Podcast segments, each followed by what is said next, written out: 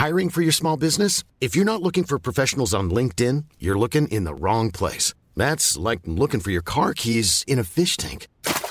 LinkedIn helps you hire professionals you can't find anywhere else, even those who aren't actively searching for a new job but might be open to the perfect role. In a given month, over 70% of LinkedIn users don't even visit other leading job sites. So start looking in the right place. With LinkedIn, you can hire professionals like a professional. Post your free job on linkedin.com slash people today.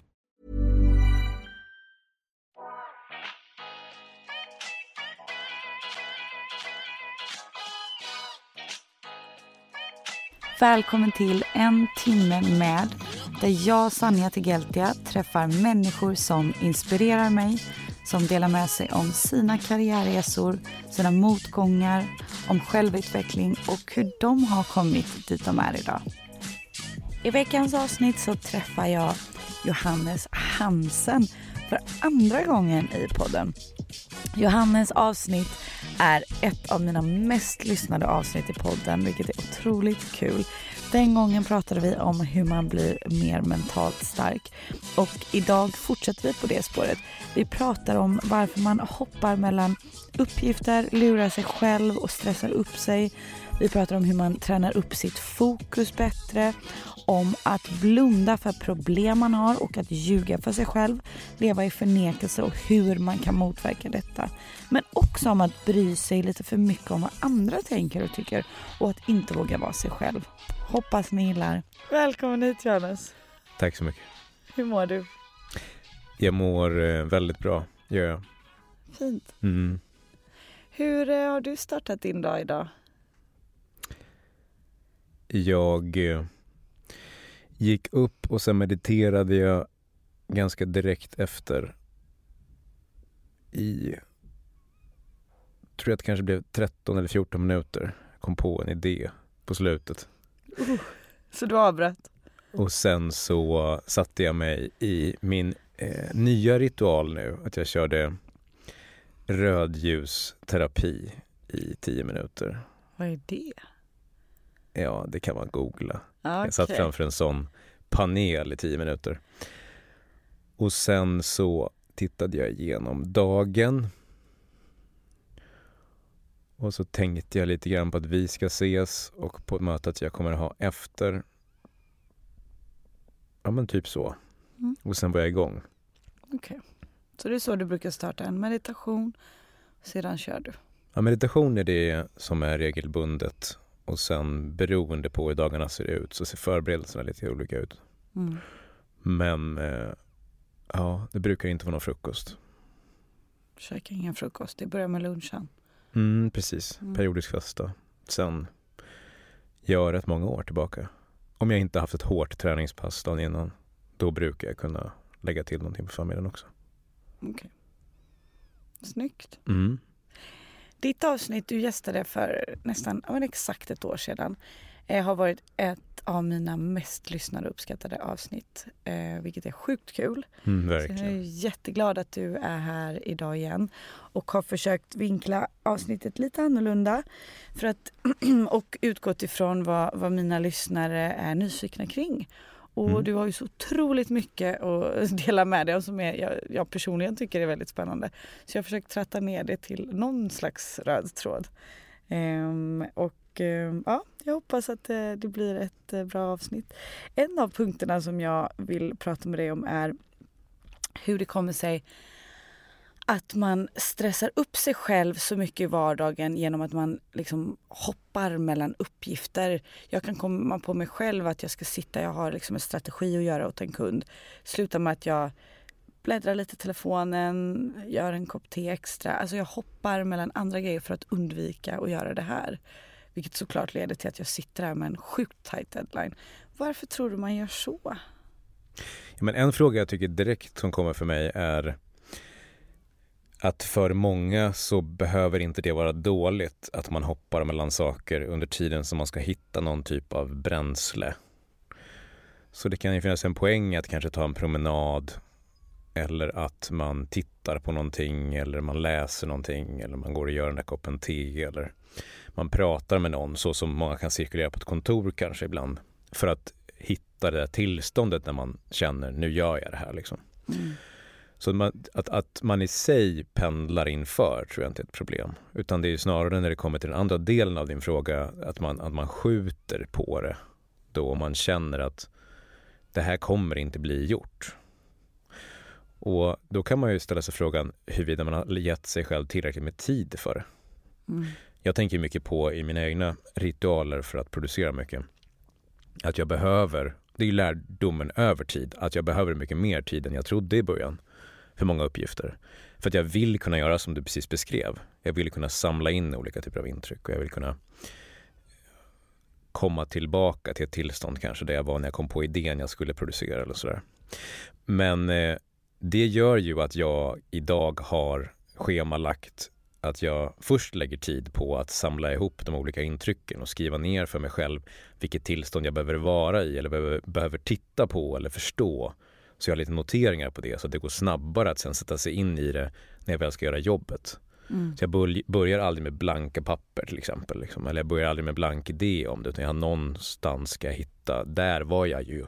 Och så jag Mm. snabbare komma in i tillståndet. Så att ha den förberedande tiden, det tycker jag inte är ett problem. Utan det vill man ge sig själv tid eller utrymme för. Och då kanske man måste inse att man bokar sin dag för tajt. Skapa mer luft. Då. Men sen kommer vi till själva prokrastineringen då, eller skjuta upp saker. Ja, varför gör man så? Gå till dig själv då. Varför skjuter du upp det där PR-uppdraget då eller? Det är tråkigt.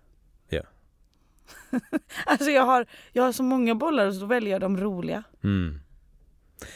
Ja, och det känner nog många igen sig i också.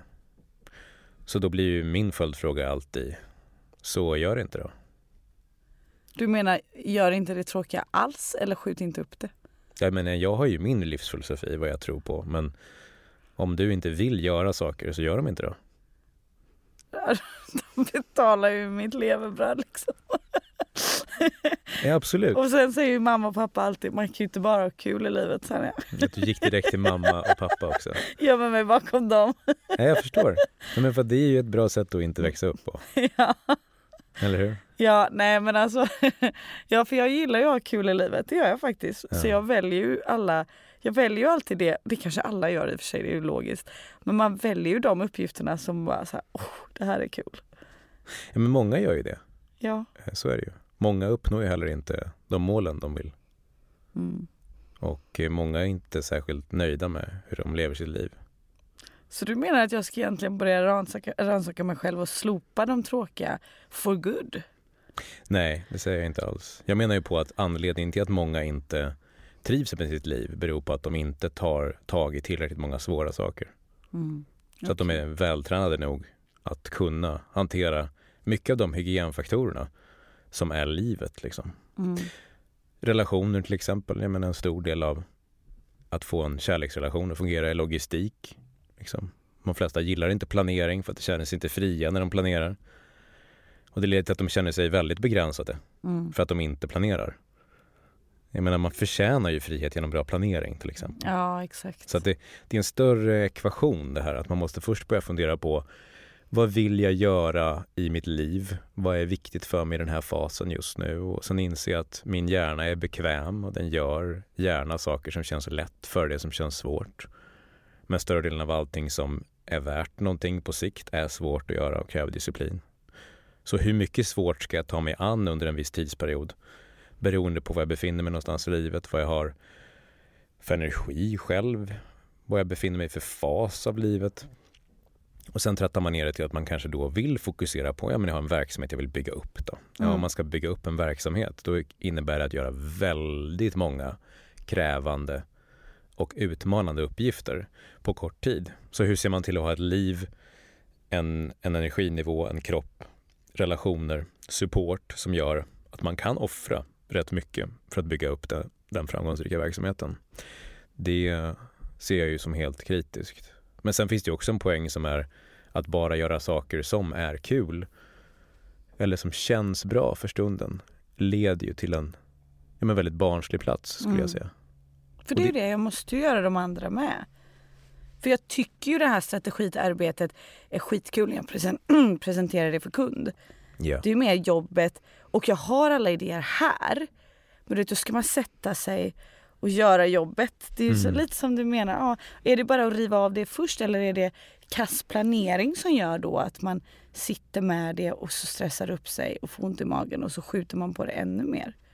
Ja men både och. Jag menar en del av det handlar ju om, skulle jag säga, om du vill bli väldigt produktiv. Det finns olika skolor för det. Vissa menar ju på att man ska börja med lite enkla uppgifter för att man får upp farten då. Jag menar ju på att det är bra att träna sitt nervsystem på att ta sig an det svåra först. Så när du har mest energi och när du kommer in i tillstånd av att nu är det dags så kan du tänka dig att ta den här första tröskeln av att det är jobbigt. Och ju fler sådana trösklar du blir bra på att hantera genom ditt liv och ju bättre du blir tränad på det. Jag skulle säga att i relation till hur bra du är på det kommer du uppnå framgång i ditt liv. Absolut. Så du vill även förstå att du gör det för ett större syfte på något sätt. Mm. Du blir disciplinerad. Jag menar att vara disciplinerad innebär att du kan säga till dig själv det här ska jag göra och sen gör du det faktiskt. Och vad många gör genom sitt liv är säger till sig själv någonting i stil med det här ska jag göra så gör man det inte. Och över tid så, så känner man sig svagare och svagare och sen kan man inte lita på sig själv. Man saknar den typen av tillit till sig själv. Och så börjar man tvivla på sig själv. Och det är smart att inte fortsätta längs med den vägen så att man slutar tro på att man kan göra saker. Utan man vill bli väldigt bra på att ta tag i det som man faktiskt bestämmer sig för. Och är det så att man har mycket på sitt bord så vill man välja bort så att man faktiskt går i mål på de grejerna man har bestämt sig för. Så att man bygger en bättre relation till sig själv. Mm. För den här onda spiralen av att skjuta på saker och sen säga igen till sig själv att jag kommer göra det här och sen inte göra det ytterligare en gång gör att du kommer känna dig svag. Och du kommer förmodligen söka upp andra människor som också känner sig svaga och så kommer ni prata om det runt fikabord och så kommer ni trösta varandra i att ni är värdelösa. Ja, jag är med. Så egentligen rent krasst då, eh, om jag bara utgår från mig själv, borde jag rannsaka, ja men jag är mest produktiv mellan typ 9 och 12 på morgonen.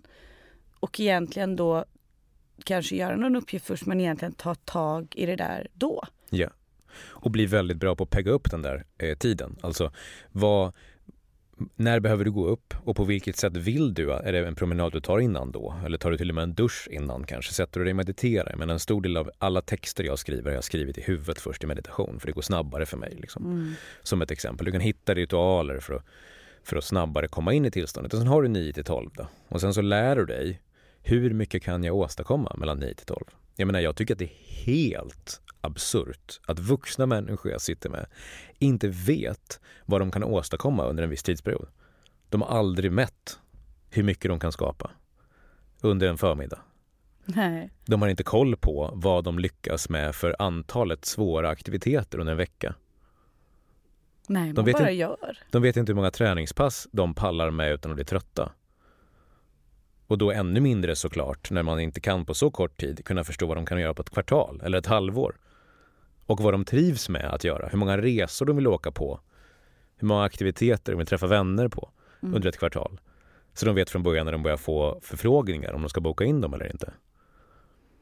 Och det är väldigt eh, ja, men inspirerande uppsida för att de flesta inte har tänkt på det tidigare, att börja jobba med det där.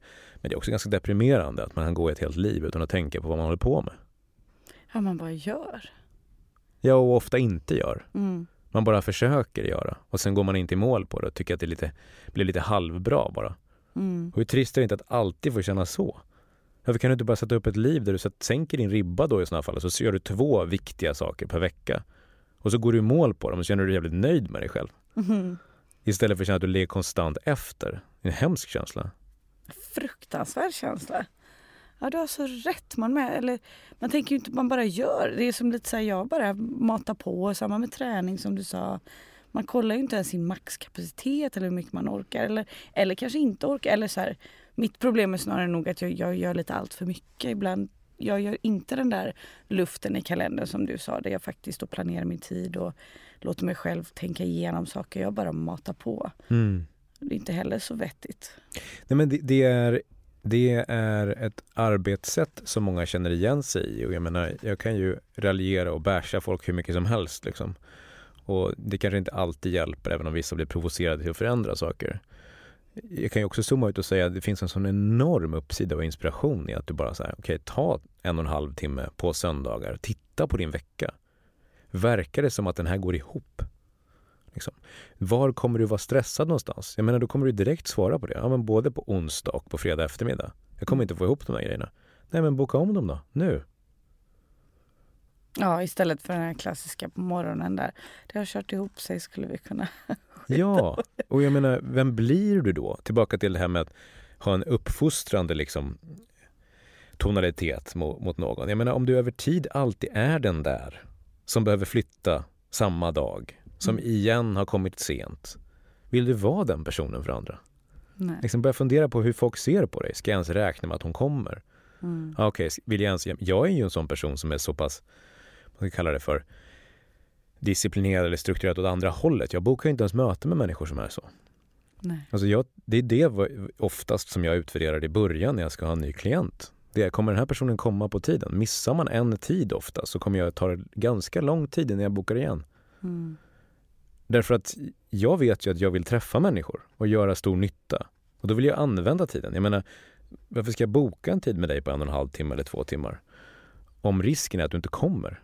Mm. Ja, ja, men precis. Då väljer du säkert att lägga den tiden på någon annan som du vet kommer. Ja, och sen åt andra hållet också när det kommer till uppgifter. Det finns människor runt omkring dig då som tänker om jag ger den uppgiften till den personen så kommer inte den bli bra nog. Mm. Förstår du vilken hemsk känsla? Och vara personen åt andra hållet. Som, vi, som folk går runt och tänker på. Det här kommer inte bli särskilt bra. Nej, fy.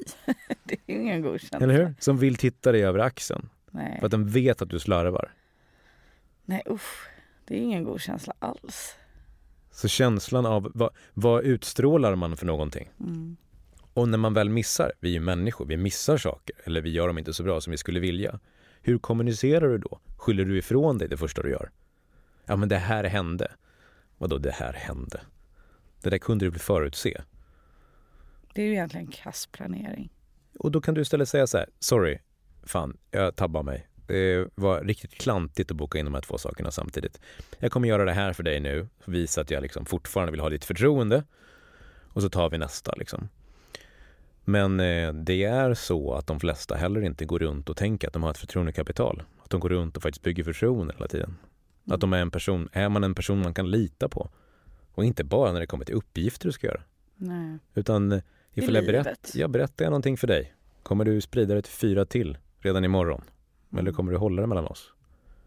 Så att eh, bygga karaktär är mm. inspirerande. Så det jag menade med din första fråga är att zooma ut mer och göra det till en större sak än att bara förstå att så, okay, nu skjuter jag på en uppgift. Men varför kan du inte bara fortsätta skjuta på uppgiften då? Om du inte vill göra den, skit i den. Mm. Ja men så är det ju inte, jag vill ju göra den här. Ja men då vill du träna självdisciplin. Mm.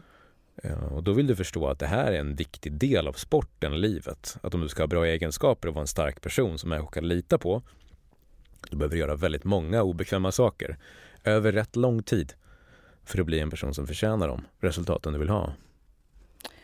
Men hur gör man då för att typ, träna upp sitt fokus och träna upp så att man verkligen... Ja, men en, en bra insikt är ju att det är mentala muskler vi pratar om. Hur gör man om man vill ha starkare biceps? Man lyfter vikter. Mm, man använder ju biceps mm. till gränsen för vad den klarar av. Och sen så blir den starkare. Hur skulle man träna fokus, tänker du då? Jag använder den. Alltså, samma sätt. Ja, du använder den till gränsen för hur mycket du orkar och sen blir den starkare efter det. Mm. Hur tränar man fokus rent i praktiken då? Ja, men när din hjärna vill göra andra saker, kolla på mobilen, gå och göra en kopp te till, lämna uppgiften, så sitter du kvar. Du fortsätter, trots att du vill och känner att du blev störd eller har en känsla eller en instinkt som är jag borde nog göra något annat istället. Liksom. Du fångar alla impulser du har och så sitter du kvar. Varför meditation är så bra är ju för att det är ju träning. Essensen av träning på fokus. Ibland har man fokus på andningen, vissa har fokus på någon form av fält man sitter i. Vissa fokuserar på ett visst mantra eller en viss idé. Liksom. Men så fort du kommer off track eller kommer på något jag berättade att jag avslutade min meditation i morse för att jag kom på en idé. Det, det är ju på ett sätt att jag förlorar i meditationen. Eller? Mm. Det här är så bra, jag måste få ut den. Men på ett sätt har jag ju fått stryk. Jag har ju gått med på impulsen. Men det är ju en sittning där du, här kom en tanke till. Tillbaka till andningen. Här kom en känsla, tillbaka till andningen. Och så fokuserar du igen. En tydlig övning man kan prova är ju bara samtidigt som man lyssnar på det här sätta sig och titta på en punkt i väggen. Så kan man se hur länge man verkar kunna ha fokus på den punkten innan man känner att nu måste jag göra någonting annat. så det blir ju en sport där man kanske tänker på vilket sätt kommer det här förändra min självdisciplin? Men insikten är ju att eftersom det är en mental muskel spelar ingen roll vad du använder den till. Om du använder den mycket och om du använder disciplinerat förbi gränsen till när det börjar bli jobbigt, då blir den starkare. Så du kan använda den till vad som helst. Fokus fungerar så, men mod fungerar så också. Om du gör läskiga saker, obekväma saker, utsätter dig själv för det som är läskigt, då blir allting som är läskigt lite lättare att göra. Det slutar inte vara läskigt, men du blir bättre på att hantera rädslan. Ja, och känslan, du har så rätt för att vissa, vissa dagar kan jag känna enormt motstånd mot att sitta i meditation. Så jag, jag vill inte liksom. Jag, jag börjar sådär, min, min hjärna, alltså du vet, jag känner verkligen att nej, alltså den, min hjärna vill övertala mig att du vill inte det Du har inte tid med det här. Mm. Men de gångerna jag faktiskt har lyckats göra det ändå. Det finns ju typ ingen bättre känsla. Eller man är så glad på sig själv efteråt. Ja. Så den belöningen som kommer är ju så värd också. Kan det också vara lite morot i allt det här då? Absolut. Man skulle kunna se det som att när perspektivet när din kropp eller dina känslor brottas som mest med dig så vinner du också som mest på att utmana det. Mm. På samma sätt som när du inte vill göra tre eller fem till på gymmet och någon verkligen utmanar dig till det. Mm. Det är där du tränar. Man skulle kunna vara så hård som att säga att om du slutar med saker så fort du inte känner för det så tränar du aldrig. Nej. Och, nej, men du har så rätt. Och det, det är därför jag har analyserat min träning mycket och skaffat PT senaste året för att jag just de här sista repsen alltid fuskar. Mm. Och det visst absolut, jag hade kunnat bara säga Sanja, sluta fuska, du sparar in en jävla massa pengar på en PT. Yeah. Men, men för min del så, så behövdes det för att också bevisa mot mig själv. Och Peter har gjort att jag har faktiskt blivit starkare av de där sista repsen. Mm. För min hjärna lurade mig till och med så mycket att jag bara, nej men det gör inget, du bara inbillar dig att du inte, alltså är du med? Man skulle så, kunna säga att vi har en hel generation som, som betalar olika föräldrar för att uppfostra oss. Ja. Så skulle man kunna se på det. Det är inte ett helt dumt perspektiv. Nej. Därför att vi tenderar att vara rätt känslomässigt omogna, många av oss. Mm. Vi tänker att vad vi känner har störst betydelse när det är ganska ointressant rätt ofta. Är det tankarna som styr vad man känner?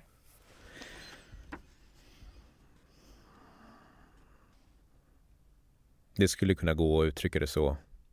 Det går att se på det på olika sätt. Det går att se på det så att du kan, du kan ju röra dig till känslor. Du har säkert ackumulerade känslor uppbyggda i ditt nervsystem som ligger där hela tiden. Mm det är svårt att, att förklara exakt vad som kommer först. Mm, eh, men i KBT så är men det absolut det man man inte ska lita på dem hela tiden kanske då? Ja, jag använder ju ofta uttrycket att du ska bli smartare i dina känslor. Mm.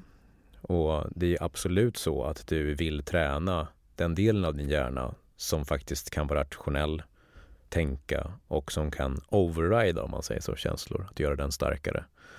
Och så enligt den logiken så absolut, mycket tankar triggar känslor och sen leder det till vad du gör.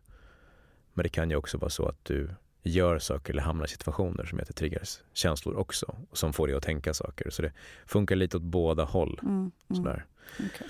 Men, men eh, det är absolut smart att använda relationer som är bra för dig som en terapeut eller i psykoanalys eller en PT som när du blir barnslig och får för dig att man borde bry sig om vad du känner så gör du bara det du vill göra ändå. Och det betyder ju inte att du inte ska bry dig om känslor generellt. För det är en stor skillnad på vilka behov du har och vad du känner och mår bra av och sådär. Den kompassen som finns i det. Och att du eh, barnsligt inte vill någonting för att det är lite obekvämt eller läskigt. Mm. Och då vill du bli bra på att utmana det. Ja. ja, men precis. Lite som du sa, uppfostra sig själv eller hitta föräldrar på olika sätt. Yeah. Jag kan Ja. verkligen känna igen mig i det. Ehm, men, men någonting som också är vanligt som jag är lite nyfiken på just det här med att just blunda för problem oavsett om det är träning, jobb, relationer men också lju, ljuga lite för sig själv. Stoppa huvudet i sanden eller vad man nu kan, kan kalla det. Hur, hur kan man motverka ett sånt mönster? Är det samma sak där att träna och göra det eller? Absolut, men man vill förstå också vad det är att förneka, leva i förnekelse. Det är en försvarsmekanism. Så vill Mm. du se på det. Och vad försvarar förnekelsen för någonting då? Den försvarar jobbiga känslor. Så en anledning till att du förnekar problem du har i en relation till exempel kan ju bero på att om du behöver titta på problemen du har kanske du kommer fram till att du antingen behöver göra någonting så obekvämt som att säga hur du känner och eh, vad du ser som ett problem i relationen. Det Mm. kanske hotar relationen. Eller så kanske det har gått så långt så att ifall du behöver titta på hur det är så behöver du lämna. Liksom.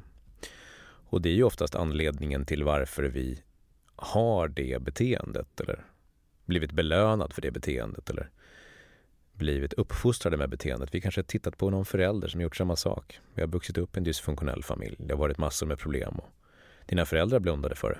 Mm. Så du lärde dig att blunda för det också. Och det har ledit, leder till en... Man vet ju när man är ute och kör bil så har man ju den här, vad är det den heter? Vink, döda vinkeln. Aha, ja. Nu har vi ju backspeglar som visar ett ljus så att man ser när någon är i döda vinkeln. Men det skapas en serie döda vinklar när vi växer upp. Det som man inte har sett eller hedrat eller pratat om som liten, det är som att man per automatik inte pratar om när man blir vuxen heller. Om man inte träffar en partner eller har vänner som börjar säga, men vadå, gör ni så där? Mm. Så där gör man ju inte. Liksom. Man pratar om sådana här saker om det händer, man blundar inte bara för det. Men du kanske kom hem och, och blev kränkt på skolan och så kände du dig ledsen. Sen kom du hem och ville prata om det. Men du märkte direkt att det bara stängdes en dörr. Så Mm. då kände man att det här pratar man tydligen inte om. Så i framtiden när du är med om samma saker och känner dig kränkt eller ledsen så kommer du inte prata med människor i din omgivning kring det eller om det. Men det skulle varit bra mental cirkulation för att göra det. Du kunde få den supporten, det emotionella stödet du behöver. Men nu slutar du göra det och sen så kommer du träffa någon som kanske är van att prata om alla känslor. För att den har vuxit upp mer funktionellt om man säger så. Och tycker att det är ett jätteproblem med dig för att du pratar inte om hur du känner. Så försvarsmekanismen börjar kanske av överlevnadsskäl eller av att det var så jag växte upp och förstår inte ens att jag har en försvarsmekanism. Nej. Men eh, när du kommer upp sen senare i livet så börjar du inse att fan att jag blundar för det här regelbundet, det är ju ett problem för mig. Men på samma sätt kan det ha att göra med när det kommer till att lova saker och hålla dem. Kanske växte upp med en förälder som var så också, lovade dig allt men höll aldrig någonting. Mm. Och så har du lärt dig samma beteende själv fast du hatade det då. Och nu kan du se att du också är en sån person. Fast du vill inte erkänna det för dig själv för det betyder att du skulle att du och ditt beteende skapar samma känslor i andra som den där föräldern gjorde i dig och det hatar du ju. Ja. Men det finns en poäng i att se att du har ändå tränats in i beteendet. Så det finns olika anledningar till varför vi har det. Men när vi inser att vi börjar förneka saker eller när vi blundar för saker eller skjuter dem väldigt länge, då kan vi ju antingen ta support av vår omgivning och bara prata med dem om det, om de upptäcker det, upplever det, när du ibland har en, som kanske när man lyssnar på det här samtalet, får en släng av en insikt, fan det här kanske är ett sånt område för mig Mm. där jag blundar för det eller där jag förnekar det. Eller det, det här kanske har gått så långt i att jag inte tar hand om mig själv och min hälsa. Så det här börjar bli ett problem för mig. Ja, men typ som droger, alkohol, allt sånt är väl också en, ett sätt att bara ta bort det. Eller bara 100%. så att- Mm. Det är två saker i det där. Jag menar, det finns en dubbelhet i det. Du kanske vet om att du lever på ett sätt som drabbar andra eller du inte mår bra av. Och när du är på väg att se det, då är det så jobbigt känslomässigt så då använder du droger för att fly från det. Mm. Men sen lägger du på drogen som ytterligare en förnekelse om någon skulle konfrontera dig kring det, som till exempel alkoholen och säga Mm. det, men jag dricker inte så mycket. Så nu har du två saker på varandra. Och det är oftast där jag träffar någon, om det är ett flyktbeteende in i, in i arbete eller in i att hela tiden dra på nästa nivå av någonting och göra det större och bättre och man ska tjäna mer pengar kanske eller konstant starta nya affärsidéer eller att man hela tiden ser att man behöver nästa nivå av bekräftelse eller att man har fastnat i den typen av missbruk, då är det oftast två lager, ibland till och med tre. En är att du har missbruket man ser just nu, men det är en flykt från det egentliga problemet som du inte orkar titta på heller. Som kanske är en flykt från ett ytterligare beteende. Va? Mm. Så det finns en poäng att börja inventera sig själv och förstå. Och där behöver du oftast någon mer professionell samtalspartner som är van att navigera i den här terrängen. Men som kan lära dig att det finns lager av vad du kanske flyr ifrån eller förnekar. Och att ifall det är så att du vuxit upp i en miljö där du inte fått varit du eller inte fått uttrycka dina känslor eller inte fått tillfredsställa dina behov på olika sätt. Då är det vanligt att vi tar till andra flyktbeteenden för att vi tänker att det kommer göra att vi får känna de där behoven som vi har i botten. Och oftast så är man van vid att man gasar på som fan, blir jättedriven efter att hitta den där fixen där borta. Och sen går man i mål på det målet och känner fan in, ingenting känns ju annorlunda, jag har fortfarande samma problem kvar. Och det är för att vi måste låsa upp ett par fler lager för att du ska kunna få känna de känslorna som du hela tiden jagar. Och där gasar väl vissa på ännu mer för att se om det hjälper. Och, Absolut. Och, och, och det är väl det någonstans det svåra som dyker upp i mitt huvud och som jag kan tänka mig dyker upp kanske någon lyssnares huvud är hur hittar man grundproblemet? Är det då typ att börja titta inåt eller liksom vad, hur, hur vet man vad det är man har lagt locket på? Ja, ja det, det är ju alltid en, en svår fråga att ta reda på om man befinner sig i samma miljö med samma människor som skapade problemet. Men så här, man vill ju inse att om du har bottenplattan i en uppväxt som är dysfunktionell och sen har du sökt dig till vänner som, som du känner igen dig med, då har ni förmodligen samma problem. Mm. Så det är förmodligen inte den miljön du kommer upptäcka dig i. Det är lite som att gå hem till vännerna som inte heller tränar på gymmet och säga nu ska vi gå och träna allihopa. Så ja. du ska både bära din drivkraft och andras åt dem, vilket är en katastrof såklart. Därför att du kan ju själv inte gå dit, de kan inte gå dit, ska ni gå dit ihop? Kom igen liksom. Så eh, det finns en stor poäng där att etablera nya relationer, såklart. Nu har ju jag designat hela mitt ekosystem av, av det vi jobbar med. Inspirationen i podcasten eller böckerna eller träningsprogrammen och kurserna som finns. För att träna dig till de här insikterna. Så där skulle jag ju direkt såklart tipsa om det. Att mm. börja här, plocka teman du känner igen dig i i podden köp böckerna och kolla mm. på de här kapitlerna som är strukturerade efter just dina problem och se, aha okej, okay, jag trodde jag hade det här problemet men det var egentligen det här istället och så får du övningar på det direkt. Så det är så jag har valt att strukturera upp allt innehåll som mm. finns. Liksom. Att utöver det bara förstå att ifall du tar dig an personlig utveckling och det är en stor skillnad på att lyssna på det en gång och få en insikt och att träna det, det vill säga regelbundet utsätta dig för det. Mm. Så du hör det hela tiden och sen göra övningar så att du tränar precis som du gör på gymmet. Och att nu ska jag förflytta det här framåt på något sätt. Det är ju så du kommer till den typen av insikter. Mm. Och då kommer du ju skära som lager av en lök. Då. Du kommer liksom börja någonstans och så kommer du fortsätta och så kommer du inse, aha okej, okay, nu lär jag känna mig själv bättre och bättre här. Eh, och det är så du tar dig an det. Eh. Och det är väl, en, det är väl någonstans en resa eh, liksom man gör ganska länge. För jag fick kommentaren typ så här, ja men hur många sådana här healers, terapeuter och grejer ska du gå till? Eller du vet, jag tycker det är väldigt roligt med personlig utveckling. Mm. Och då blev jag lite så provocerad av det. För att jag tänkte så här, och då blev jag, nej men jag tvivlade nästan på mig själv. Jag bara gud, det här kanske, jag kanske bara slösar tid. Jag kanske, men så insåg jag bara, men det, är ju, det händer ju lite hela tiden. Mm. Det är inte så svart på vitt att man kan så här check, check. Alltså, man börjar ju ändra insikter, man ser på saker annorlunda men det kommer ju också över tiden, eller hur? Man, man får ju ha, ge det lite, lite tålamod. Jag älskar din känsla nu i kroppen. Som är så här, snälla säg till mig ja. att jag gör rätt. jag, kan, jag kan inte validera eller förneka det du pratar om. Jag vet inte hur du gör. Liksom. Nej, men, att, rent generellt. Nej, men rent generellt kan jag säga så här. Givetvis är det en process, men jag kan förstå båda perspektiven. Här. Mm. Det vill säga, jag är ju en person som hela tiden eh, träffar nya människor, är intresserad av att förstå eh, liksom, bygget av mig själv och nya pusselbitar och sådär. Det är en del av vem jag är, liksom, syret jag får och sådär. Mm. Älskar det.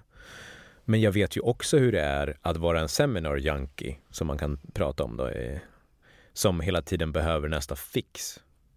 Mm. Eller det är en mm, skillnad på att så här, göra ett bygge med dig själv där det är så här, den här pusselbiten kanske är intressant. Låt mig titta på den som jag har fått insikter från den här människan och se om det passar med mig här. Nytt perspektiv. Ja, det ska jag jobba med nu en stund här. och att säga nu har jag hittat det. den här människan eh, har allt liksom, och den här modellen ska jag följa slaviskt och sen om två månader så har du bytt. Liksom. Ja, ja, ja men då är jag med på det. Det är ju vad jag kan tänka mig att många som växer upp med, är förälder till eller har en vän eller som hela tiden söker efter det där. Så man känner den här känslan av att nu är du på det där istället. Nu är du på det där retreatet. Nu ska du djupandas med de där. Nu är du på healing helt plötsligt. Nu ska du hitta dig i tanta tillsammans mm. med den där killen. Nu ska du, alltså, hela tiden så är du på en jakt där man känner sig, men snälla, mm. alltså, jag älskar dig. Kan du inte bara landa? Mm, kan du inte bara lugna dig liksom?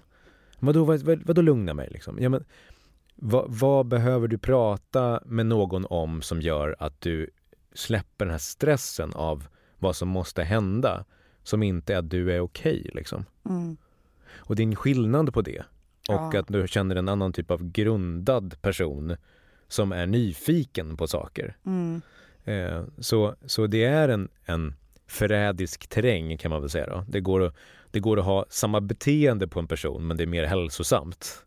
Som någon annan som bara flyr, om vi ska kalla det för det. Mm. Så det är tillbaka till de här lagren jag pratade om tidigare. Alltså det kan lika mycket vara en total förnekelse man håller på med på sina personliga utvecklingsresor. Exakt. Bara att man har valt det temat. Precis så. Jämfört med att kanske dricka eller, eller liksom vad Precis det är. så. Så det är ingen skillnad ah. på, som jag ah. brukar säga då, som kommer från Borlänge, det är ingen skillnad på pundandet. Liksom. du pundar självhjälp eller du pundar eh, resor med att träffa de där kända människorna hela tiden. Eller du pundar den faktiska drogen. Liksom. Du är ute där för att du tänker att den ska ge mig någonting som jag inte har. Och det är där bara som det händer. Och sen när du är i vardagen så är du en väldigt liksom ofokuserad, disorienterad och ängslig och rätt ojordad person då. Vi kallar det för det. Fattar. Det är egentligen bara finare paketering av pundandet. Mm, så skulle man kunna säga. Och det, det är vad jag tror att många i min bransch eh, som har ärliga och liksom inspirerade intentioner tycker är ett problem. Mm. Att man känner att man lika gärna kan vara föremål för någons flykt. Mm. Som man faktiskt hjälper någon på riktigt. Verkligen. Ja, det, var, det var intressant perspektiv på det.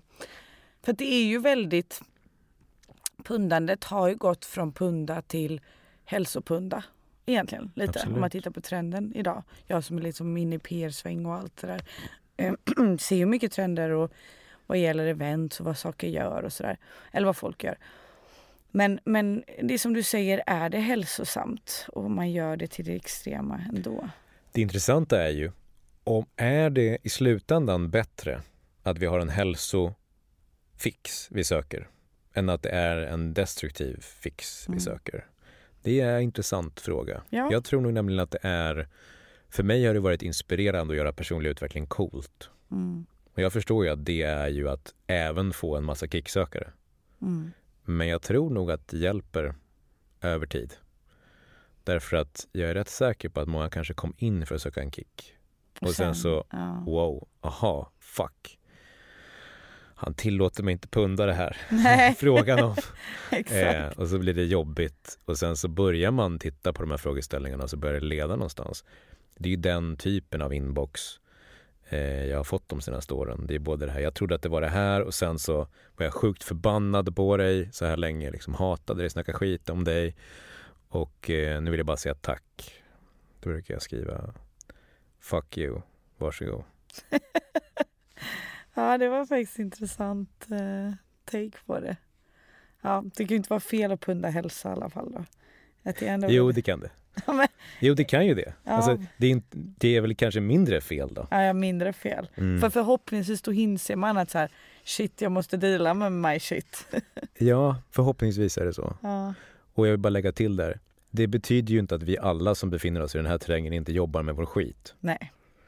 Så att jag menar att, att, att lägga in i hela det här narrativet att vi som representerar de här idéerna skulle vara framme. Det är ju patetiskt också. Mm. Ja, för ni jobbar också på er skit. Det är, den där skiten slutar ju inte. Nej. Då är det en liten journey man gör hela livet egentligen. Det är på samma sätt varför den tydliga liknelsen med träning är så bra. Ja. Det finns väl ingen som är framme med träning. Det är vad människans kropp mår bra av att göra. Mm. Vi vet om att om man gör det regelbundet och mycket av det så får, blir man liksom risken för sjukdomar går ner med typ 80 procent om man är väldigt vältränad. Mm. Att så här, vi vet om att om man har den här rutinen som vi typ är designade för att göra då är det väldigt bra för oss och vi kommer vara ett hälsosammare djur. Ja, men vi har också lärt oss att det finns en hjärna vi har. Va? Och om vi tränar den hjärnan på ett visst sätt i tänkande så kommer vi därför bli ännu bättre på att förstå våra behov. Vi kommer kunna eh, konversera med andra människor på ett sätt som gör att vi får bättre relationer. Det kommer att vi har större integritet, känner oss mindre ängsliga, blir mer modiga. Vi blir bättre människor. Bara den saken att det finns en riktning för vad en bättre människa är, är ju ganska provocerande för många. Mm. Men att en vältränad person är bättre, både mentalt och fysiskt. Ja. Nej, sjukt, sjukt inspirerande. Jag kommer behöva lyssna på det här om och om igen för att verkligen greppa det här. Jag. jag blir så inspirerad själv.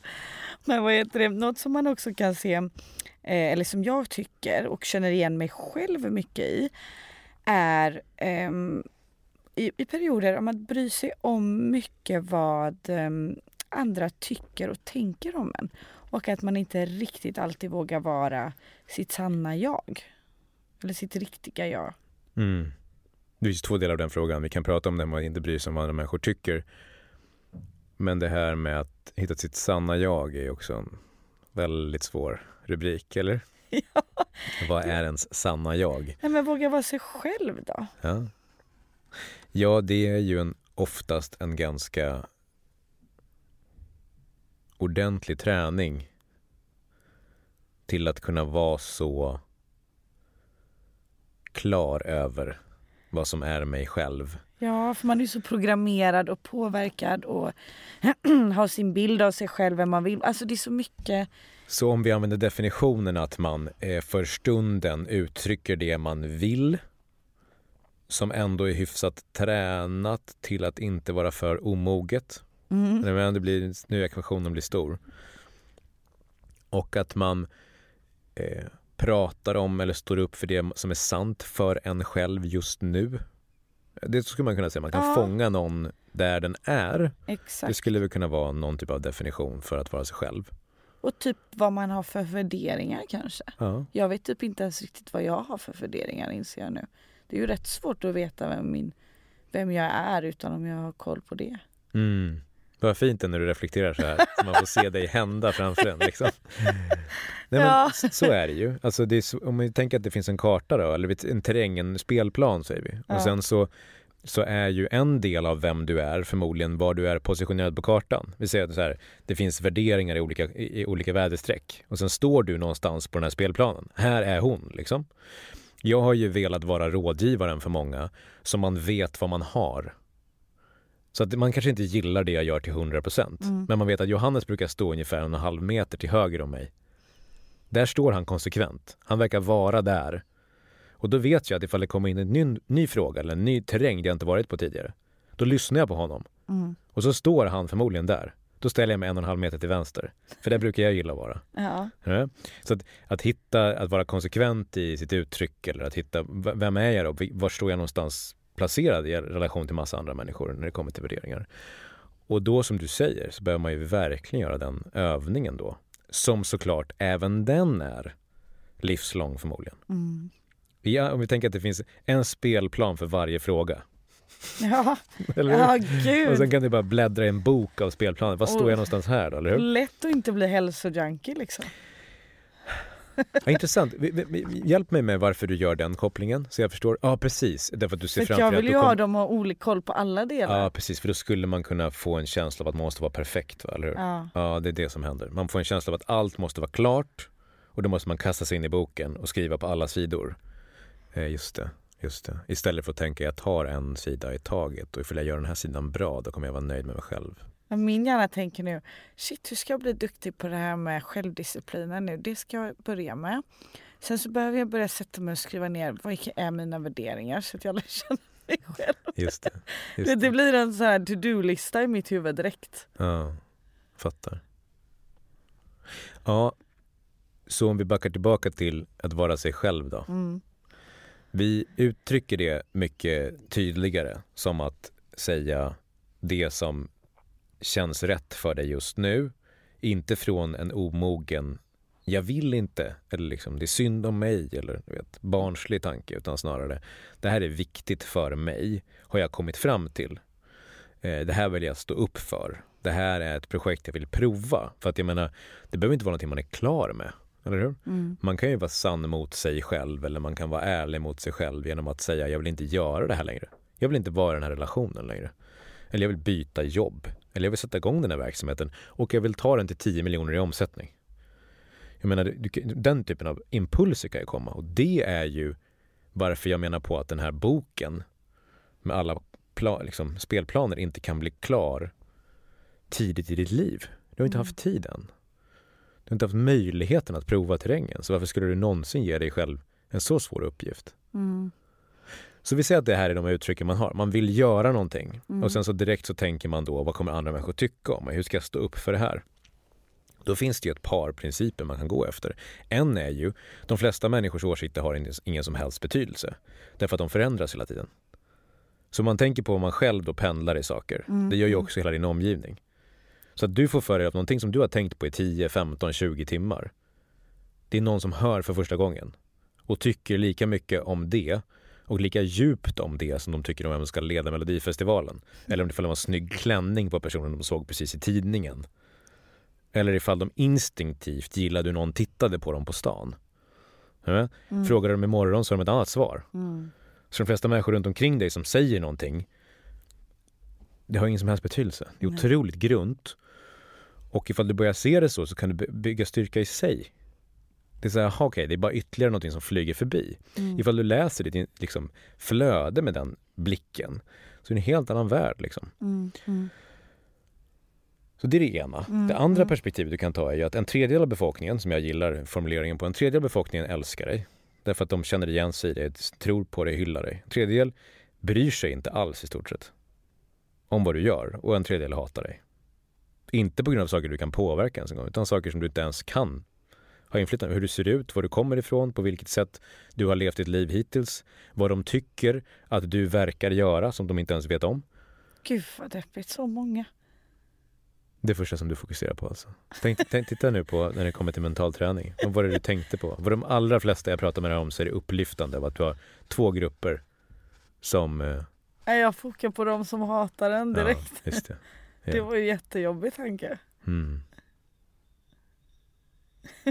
Låt oss vara kvar där en stund till då. Varför då? Nej, Nej den här gången får det inte bli mitt terapisamtal. Nej men an, antagligen för att jag är verkligen people pleaser. Mm. Alltså jag vill ju inte bli hatad. Mm, varför då? Nej, men det är ju inget kul med hat. Jag älskar ju kärlek. Ja. Men beskrev jag inte tidigare på den första principen jo. hur lätt det här mm. väger? Exakt. Det är inget uttryck för mörkt hat riktat till dig. Nej. Det här är på grund av hur du ser ut, var du kommer ifrån, hur du pratar, vad du skriver om för ämnen. Alltså, det är utifrån en massa ytliga attribut som de har organiserat sitt liv. Att det där gillar jag inte eller det där hatar jag. Det tycker jag är hemskt. Ah, gud. Och tänk på ett annat perspektiv. Att, att en person som hatar eller en person som förmår sig att lägga tid på att skriva i en kommentar i ett flöde. Mm. Tänk hur dåligt den människan mår. Mm. Tänk att, att du får för dig att du ska ägna tid i ditt liv åt att skriva på någons post att den är ful.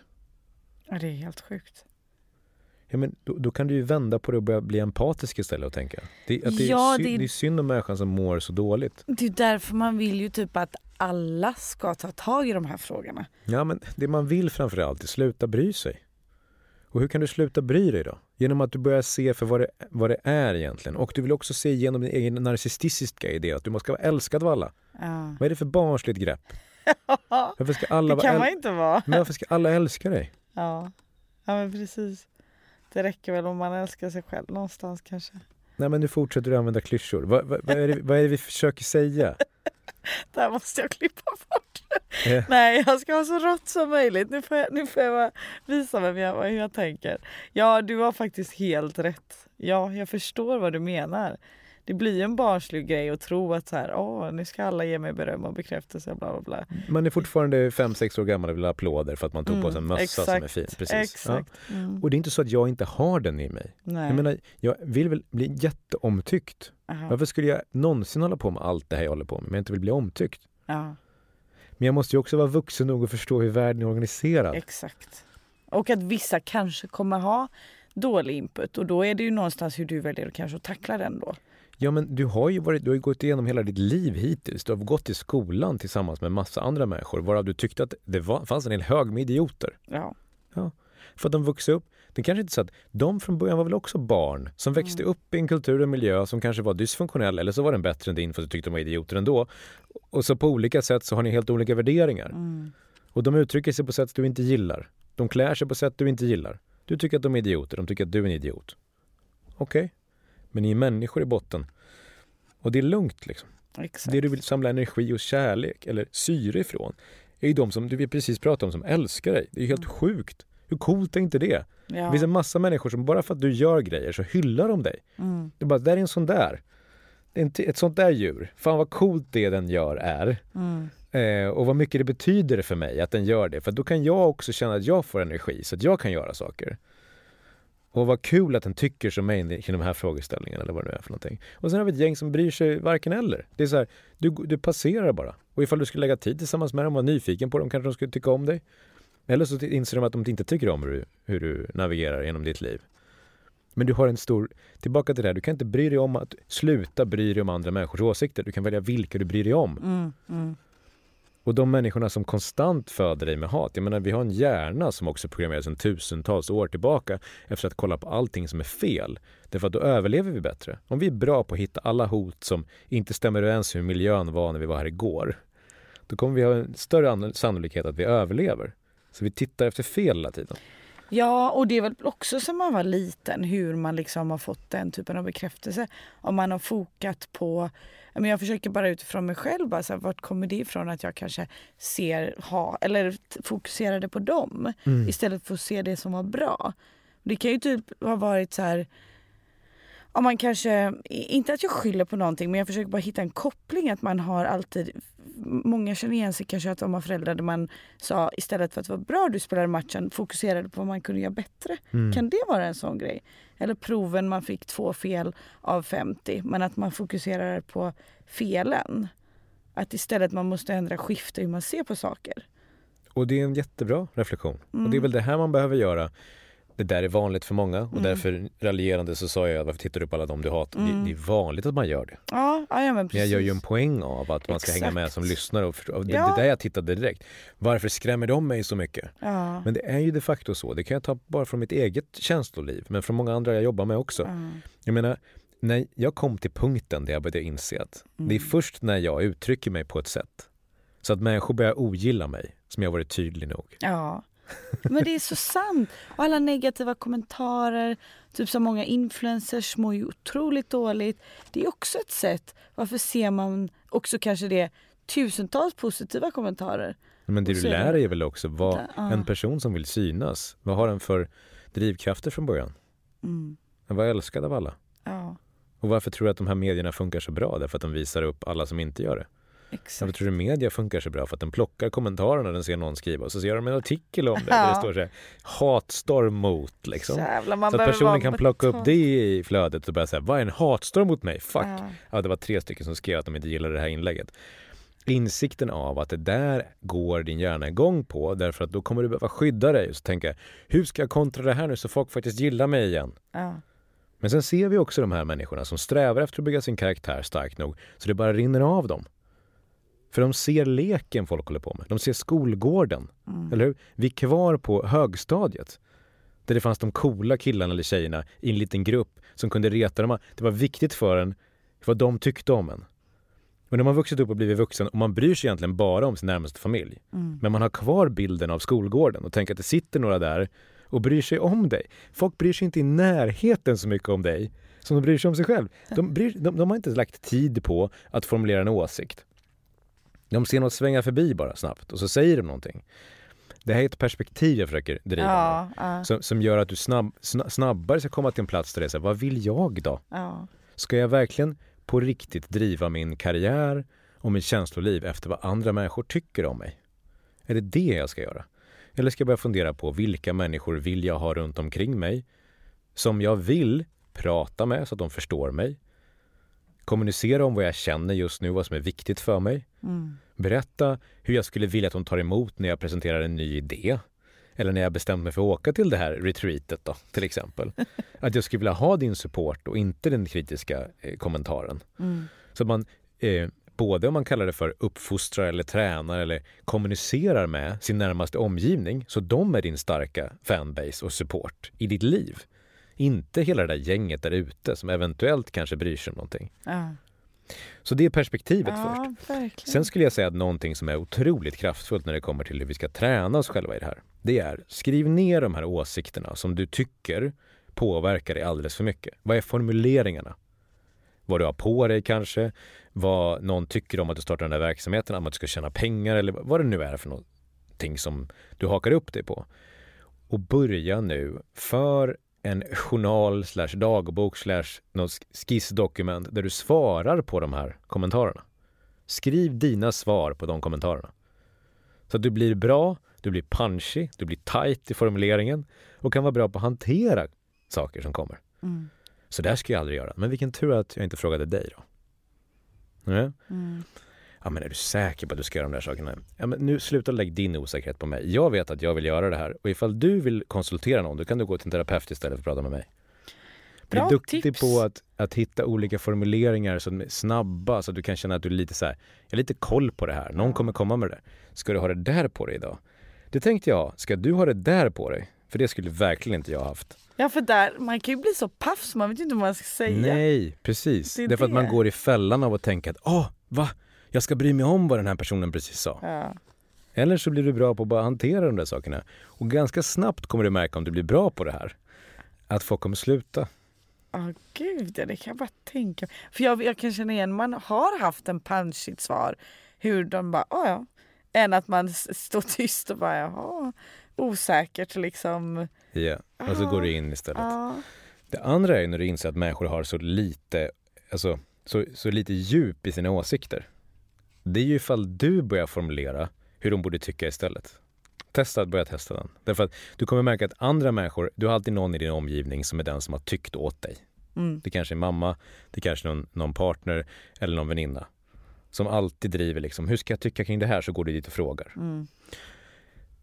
Testa och bryt dynamiken och så börjar du berätta för den personen vad den borde tycka istället. Och så kommer du märka att hela, hela kemin mellan er förändras.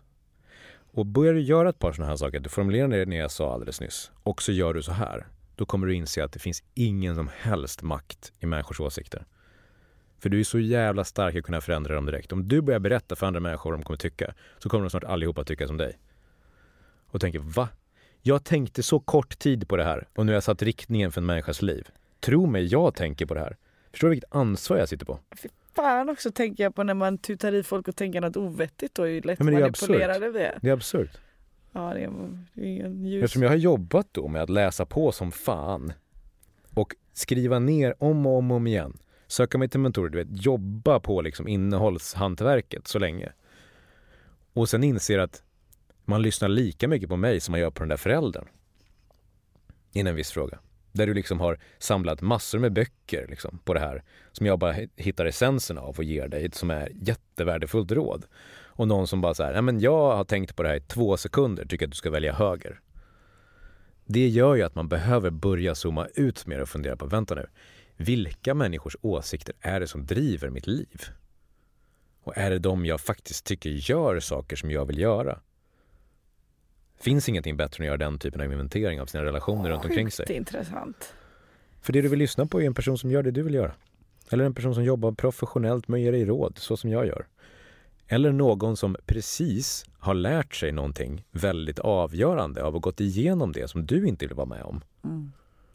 Men man tenderar att prata med den människa man har närmast bara. Vad Mm. tycker du om det här? Som att personens åsikt har någon som helst betydelse. Nej, nej du har så, och mycket ju på autopilot. Ja, Tänker inte ens på att man gör det. nej. Och vissa vill man ju såklart vara schysst, man kan ju inte bara sluta svara. Ja, men det handlar ju inte om att sluta svara eller vara otrevlig mot folk, även om jag kan uttrycka mig rätt otrevligt Ja. kan folk tycka.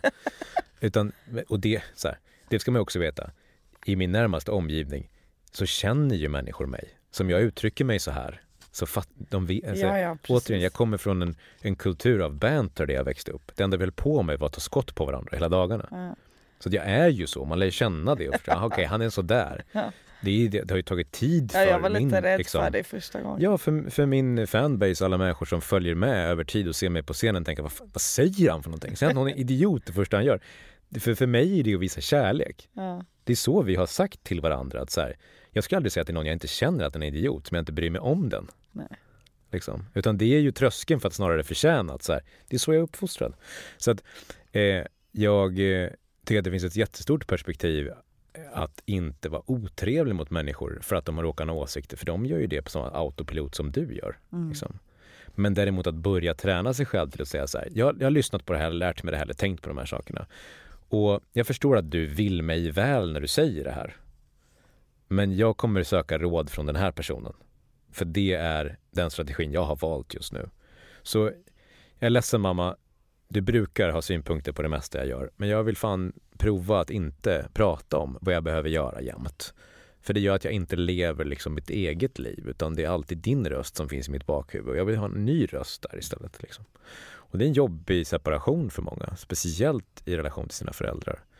Men det man kommer inse att det är en så jävla viktig psykologisk övning att det man kallar för föräldramordet eller att man, man kallar för att, att sluta se ens föräldrar som de, de viktigaste åsiktspelarna i ens liv och börja se sig själv som en vuxen människa som har vänner i ens föräldrar Mm. på lika villkor. Men där man också inser hur mycket av de värderingarna och eh, spontana åsikterna som de har som man inte köper in på överhuvudtaget för att de lever ett liv man inte vill leva.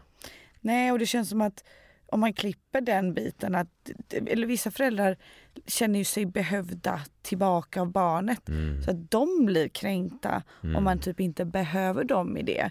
Jag Det har gjort lite viktigaste. så med min mamma, så här, var hellre min vän. Ja. Än liksom, för jag märkte på henne, hon, hon thrivade av att känna sig typ behövd av att hjälpa mig. Så om inte jag behövde det blev hon så här, men hallå? Alltså, f- hon mättade väl något behov i sig tror jag. Den viktigaste kränkningen i ditt liv Ja. att göra Faktiskt. av ens föräldrar som ser det som att deras eh, att de får så mycket näring av att vara föräldrar. Ja. Och vi älskar dem för det. De har varit det. Ja. De har uppfostrat oss, de har gett oss all den där kärleken som vi behövde för att bli de vi är idag. Men det är lika viktigt att de kliver ett steg tillbaka och Mm. inser att nu är det du som är vuxen. Och en, det är viktigt för dem att de ser till att hitta andra relationer där de kan få vara någonting mer än bara mamma. Mm. Ja, bra, eh, bra point där. Mamma lyssnar på podden så nu kommer hon Mm. Fint ju. Ja, men, eh, tusen, tusen tack Johannes. Otroligt givande samtal. Jag kommer som sagt behöva lyssna på det här om och om igen. Fint. Ja, det var ett nöje att vara tillbaka. Det var Vi får se när det blir nästa gång då. Ja, Mm. tack. Tack så mycket. Om ni gillar podden så får ni hemskt gärna dela den här med era vänner men också gå in och prenumerera och jättegärna lägga en liten kommentar. Det hade gjort mig så otroligt glad.